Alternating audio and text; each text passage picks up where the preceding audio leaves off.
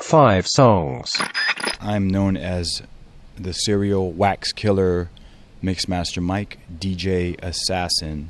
One, two, three, four, five songs. One, He taught me uh, that uh, as a musician, um, less is more.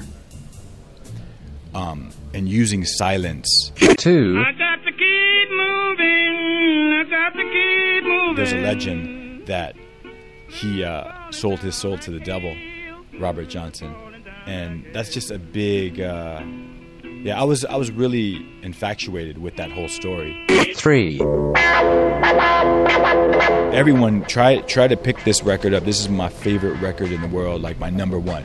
four, This is the the, the, the birth of the hard shit, the real hardcore hip hop shit. five, I don't even know a song. I'm a '70s baby.